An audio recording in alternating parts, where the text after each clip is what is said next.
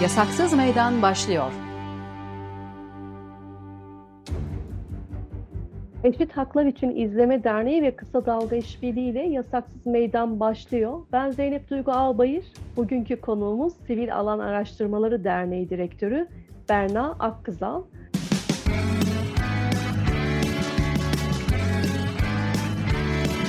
Kulağınız bizde olsun. Kısa Dalga Podcast. Tespit edebildiğimiz verilere göre 2021 yılında müdahale edilen en az 614 barışçı toplantı ve gösterinin 52'si öğrencilerin gerçekleştirdiği eylemlere yönelik. Hakka yönelik polis müdahalelerinin dışında öğrencilerin farklı cezalandırma pratiklerine maruz kaldığını görüyoruz. 2021 yılında 9 Eylül Üniversitesi'nde kantin zammını protesto etmek için çay dağıtan 4 öğrenciye disiplin soruşturması açıldığını, Eskişehir'de onur yürüyüşüne katılan öğrencilerin burslarının kesildiği, hatta yurtlarıyla ilişkilerinin kesildiği basına yansıdı.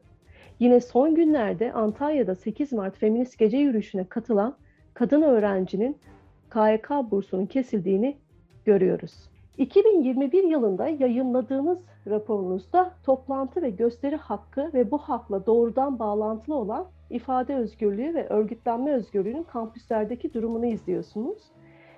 Öğrencilerin toplantı gösteri hakkını kullanırken karşılaştıkları ihlalleri isterim ki Berna seninle daha detaylı bir şekilde konuşalım. Öncelikle tekrardan hoş geldin diyorum. Çok teşekkürler Zeynep. E, davetiniz için bizler çok teşekkür ediyoruz. Böyle önemli bir konuyu konuşmak için fırsat yarattığınız için.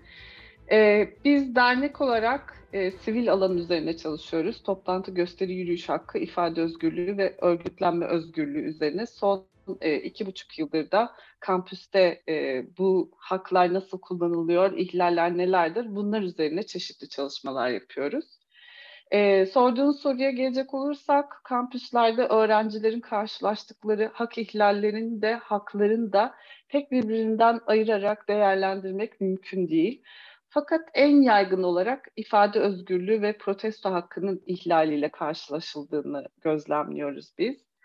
E, sonrasında da zincirleme olarak eğitim hakkının ihlali, barınma hakkının ihlaliyle devam ediyor süreçler. Tabii e, protesto haklarını kullanırken yaygın olarak gözaltına alınıyor öğrenciler ve zaman zaman da maalesef işkence vakalarıyla da karşılaşıyoruz. E, gözaltı süreleri birkaç dosya dışında çok uzun olmasa da e, yargılama sırasında yurt dışı yasağı konan öğrenciler için başkaca mağduriyetler doğuyor tabii. E, yurt dışından üniversitelerden kabul alıyorlar, gitmek istiyorlar okumak için ama e, uzun süren duruşmalar, davalar yüzünden ve yurt dışı da yasakları bu e, davalar sonuçlanana kadar devam ettiği için kazandıkları okullara gidemiyorlar. Buradan da bambaşka bir mağduriyet doğuyor. E, disiplin soruşturmaları sebebiyle e, senin de e, dikkat çektiğin gibi bursları kesilen ve yurt haklarını kaybeden de çok sayıda öğrenci bulunuyor. 2021 yılında yayınladığımız e, sivil alan olarak kampüsler Türkiye'deki üniversitelerde üç temel hak ve özgürlük e, raporumuzda toplantı ve gösteri hakkına dair bir takım veriler e, ve sonuçlar elde ettik. Bunlardan ilki kampüste etkinlik yapmanın sürekli engellendiğini, öğrencilerin alternatif çözümler geliştirerek kampüs dışında etkinliklerini sürdürdüğünü gördük. Şehir içinde bulunan üniversitelerde fakülteler ve e, ana kampüs binası arasında eğer mesafe varsa e, diğer binalarda öğrencilerin bir araya gelebileceği fiziksel imkanlar sağlanmıyorsa öğrencilerin e, ders çıkışında ana kampüs binasında bulunan etkinliklere katılmaları genelde imkansız oluyor. Bu da aslında üniversitelerin e, yönetimlerinin e, tasarrufunda olan ve gidermesi gereken bir takım e, durumlar. E, diğer bir de yandan da e, İstanbul Üniversitesi ve Ankara Üniversitesi gibi aslında siyasi kutuplaşmanın da daha baskın olduğu öğrenci örgütlenmesinin gelenekselleştiği üniversitelerde kampüsler ve bölümler arasında e, geçişin engellendiği e, biliniyor. E, çeşitli e, polis barikatları ya da e, kimlik sorma şeklinde önlemlerle bu sayede de öğrencilerin siyasi olarak aslında örgütlenmesini engellemek amacını taşıdığını bu tip pratiklerin e, görüyoruz. E, raporla ilgili kısaca e, toplantı gösteri yürüyüşü hakkına dair e, bulduğumuz bulguları ilk etapta böyle özetleyebilirim. Evet. Peki özellikle Boğaziçi eylemleriyle daha çok gündem olan öğrencilerin hakkı kullanımına yönelik böyle caydırıcı etki yaratacak soruşturma ve cezaların hukuki zemini var mıdır?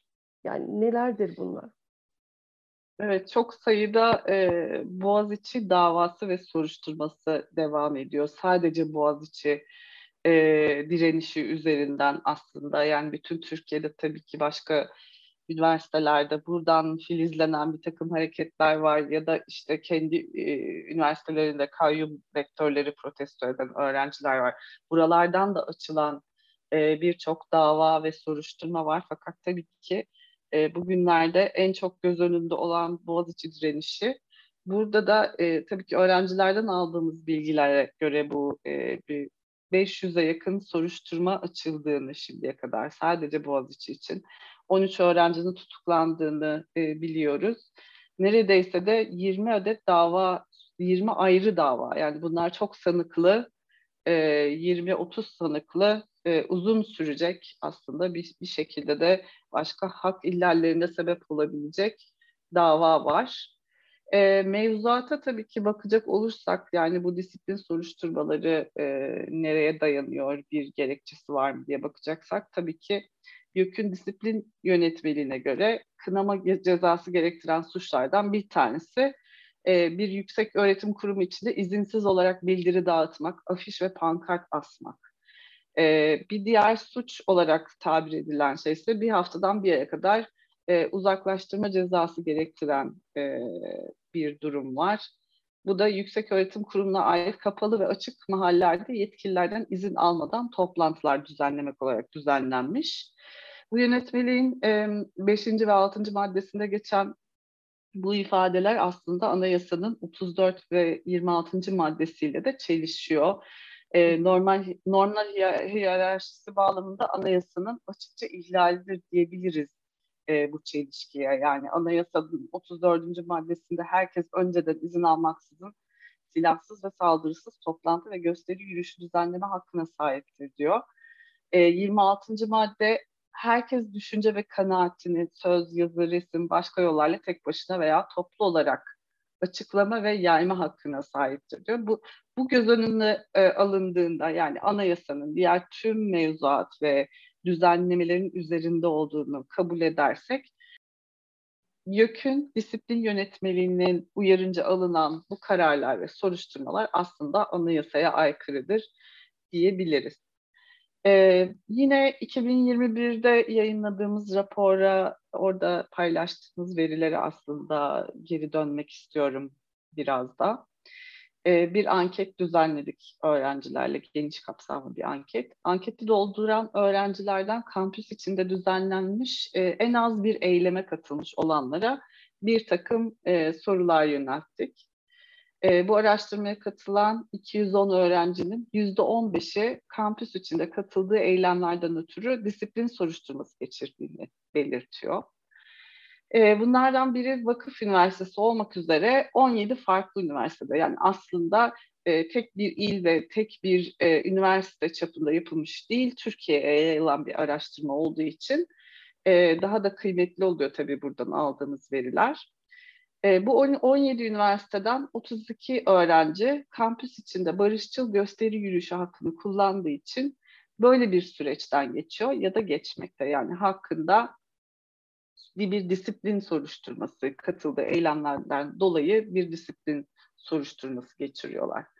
Ee, soruşturma geçiren öğrencilerden 13'ü uzaklaştırma aldığını ifade etmiş, 13'ü bursunun kesildiğini ifade etmiş, diğer 9'u da yurttan atıldığını belirtmiş. E, hem uzaklaştırma alan, hem bursu kesilen, hem de yurttan atılan öğrenci sayısı da 5. Yani bu tabii ki e, bizim e, araştırmaya gücümüzün yettiği örneklem içerisinden, yani 210 öğrencinin içerisinden 5 kişi. E, oldukça yüksek bir sayı, yani öğrenci sayısı göz önüne alındığında. barışçıl gösteri ve yürüyüş hakkını kullandığını ifade eden öğrencilerin sayılarını da e, bu şekilde biz detaylı vermemizin sebebi aslında yönetimlerce yapılan ihlallerin sadece belli üniversitelere özgü olmadığını göstermek. Yani sadece Boğaziçi Üniversitesi'nde, sadece İstanbul Üniversitesi'nde olmuyor bu e, ihlaller. Türkiye'nin her yerinden e, gelen e, bir takım haberler ve bu, bu, bu çeşit yaptığımız e, araştırmalar sonucunda bu ihlallerle sık sık karşılaşıldığında belirtmek zorundayım. Bu disiplin cezaları öğrencilerin sadece eylem yapma özgürlüğünün ya da öğrenim hakkının değil aslında barınma hakkının ihlaline de sebep veriyor ve e, öğrencileri ekonomik olarak da zora sokuyor. E, eylem esnasında hem güvenlik hem de üniversite yönetimi tarafından denetime tabi tutulmak, öğrenci topluluğu olarak kulüplerin kapatılmasını engellemek adına e, bir çeşit otosansüre dönüşüyor ve e, öğrencilerin istedikleri kadar politik olamamalarına sebep oluyor. Burada bir şey vurgulamak istiyorum. Ankara Valiliği 2017 yılında o hal koşullarını gerekçe göstererek LGBT artı etkinliklerini yasaklamıştı. E, ve bu kampüsteki etkinlik ve eylemleri de etkilemişti tabii ki. Diğer bir örnekse e, üniversitede bulunan belirli öğrenci topluluk ve kulüpleriyle üniversite yönetimi ve kolluk kuvvetleri arasında öğrencileri fişlemeye yönelik e, iletişim kanalları var aslında. İstanbul'da bir devlet üniversitesinin e, hükümete de yakınlığıyla bilinen bir resmi kulübü üniversite içinde yapılan muhalif eylemlerde eylemi gerçekleştiren öğrencilerin fişlendiklerine dair de bilgiler edindik bu araştırma sırasında.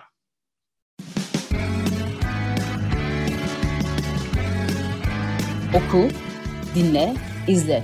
Kısa Dalga.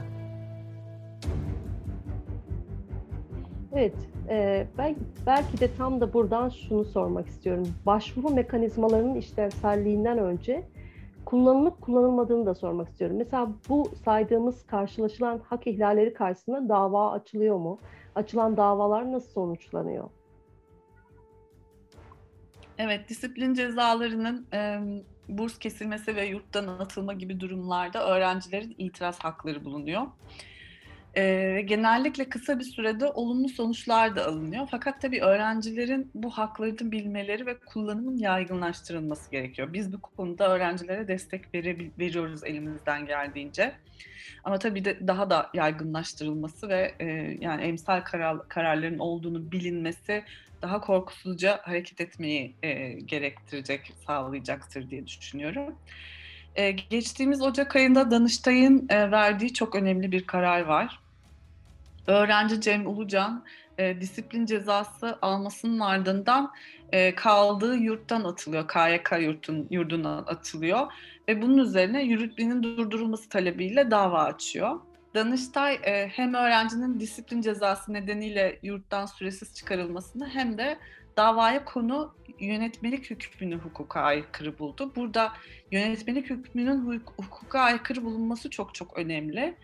E, netice olarak e, yurttan süresiz çıkarma işlemi ve yönetmelikteki bendin iptaline karar veriyor. Yani bu şu demek, bu yönetmelik kapsamında bugüne kadar kim ne disiplin cezası, kime ne disiplin cezası verildiyse bundan sonra hukuka aykırı olacak. Bundan sonrakiler de hukuka aykırı olacak demektir. Bu açıdan çok önemli bir e, Danıştay kararı bu.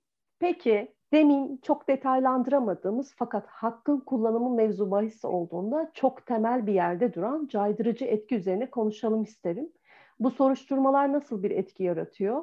Hem hakkı kullanan özneler açısından hem de topluma verdiği mesaj bağlamında değerlendirelim isterim. Evet, fişleme, şiddete maruz kalma, soruşturma ve ceza davası açılması gibi ihtimaller e, bunun gibi durumlar yüzünden tedirginliklerle etkinlik ve eylemlere katılma konusunda e, çekince belirten öğrenci sayısı oldukça fazla. Yani öğrenciler fişlenmekten, şiddete maruz kalmaktan, soruşturma açılmasından korktukları için eyleme katılmak istemiyorlar. E, çekince yaşamadığını belirten öğrencilerin dışında kalan bütün öğrencilerde yine bu bizim e, 2021'de aslında e, yayınladığımız rapora dayanarak e, buradan çıkan sonuçlar üzerinden aktardığım bir takım bilgiler.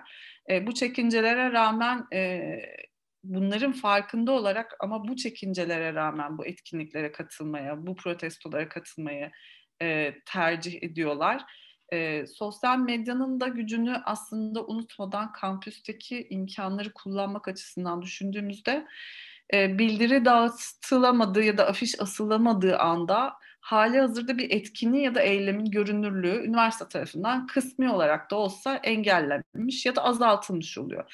Yani bir e, şekilde aslında öğrenci aktivizminin e, protesto hakkını dolaylı yoldan da olsa e, hem etkisini azaltmış hem bir araya gelme ihtimalini azaltmış hem de bu hakkın kullanımını bir şekilde engellemiş oluyor üniversite yönetimleri. E, bu konuyla ilgili aslında e, son olarak daha böyle derinden e, bir e, ihlal yaratan, ihlaller silsilesi yaratan bir örneğe değinmek istiyorum. E, son olarak değinmek istediğim şey hukuk öğrencileriyle ilgili aslında bir özel durum var. Hukuk öğrencileri öğrenci oldukları sırada e, katıldıkları protestolardan, eylemlerden açılmış davalar yüzünden aslında mezun olduktan sonra da bir takım ihlallerle karşılaşıyorlar. E, yargılama bildiğiniz gibi öyle kısa sürede sonuçlanan bir şey değil Türkiye'de. E, bu yüzden de bu yıllara yayılan e, aslında bir, bir çeşit e, işkenceye dönüşen, bir çeşit kendi başına ihlale dönüşen e, bir süreç var yargılanma süresiyle ilgili. E, genelde de işte öğrencilerin öğrenciliklerin ilk yıllarında aslında bir dava açılmış da olsa mezun olduklarında halen sonuçlanmadıysa bu dava e, özellikle hukuk öğrencileri için avukatlık ruhsatlarını almakta ve aldıktan sonra e, bunun askıya alınmaması, iptal, gasp edilmemesiyle ilgili çok ciddi bir süreç başlıyor hukuk öğrencileri için. E, bu durum e, aslında en başından bir takım protestolara, eylemlere katılmamaya itebilir öğrencileri. Yani ifade özgürlüğü hakkını, protesto e, hakkını kullanmakta bir engel ve çekince oluşturabilir. Bununla ilgili bununla ilgili birçok örnek var önümüzde. E, ruhsatı gasp edilmiş e, öğrencilerin kurduğu topluluklar var. Bu konuda mücadeleler veriyorlar. E, fakat e, bu bununla ilgili yakın zamanda yine bizim de katkı sunabildiğimiz olumlu bir sonuç var eğitim hayata katıldığı protesto sebebiyle tutuklu kaldığı için bir yıl uzayan sonrasında mezun olup avukatlık ruhsatını alan gönül göreni ve onun mücadelesini aslında birazcık da anlamak istiyorum burada, söz etmek istiyorum. Gönül'ün mücadelesi ve hukuk mücadelesi de çok uzun sürdü. Sonuçta katıldığı bir okul dışında katıldığı bir 1 Mayıs yüzünden aslında e, tutuklanıyor ve cezaevine gönderiliyor, tutuklu kalıyor bir seneden fazla. E, sonuçta yargılandığı davadan beraat etti. Fakat öncesinde avukatlık ruhsatını önce alıp sonra e, ruhsatının gasp edilmesiyle karşı karşıya kaldı. E, sadece hakkında devam eden bir dava olduğu için yani burada masumiyet karinesi de aslında e, ayaklar altına alınmış oluyor. E, sonrasında da bun, buna karşı itiraz ettiğinde de hem beraatiyle hem de e, hakkını geri almasıyla sonuçlanan bir süreç var. Ama e, bu tip tehditlerin sonunda kazanımla da sonuçlansa hak ve özgürlüklerin kullanılmasında ciddi anlamda önleyici olduğunu düşünüyoruz biz de. Peki bize katıldığınız için çok teşekkürler. Eşit Haklar İçin İzleme Derneği ve Kısa Dalga İşbirliği ile Yasaksız Meydan farklı konu ve konuklarla iki haftada bir cuma günü sizlerle olmaya devam edecek. Şimdilik hoşçakalın. bizimdir, bizimle özgürleşecek.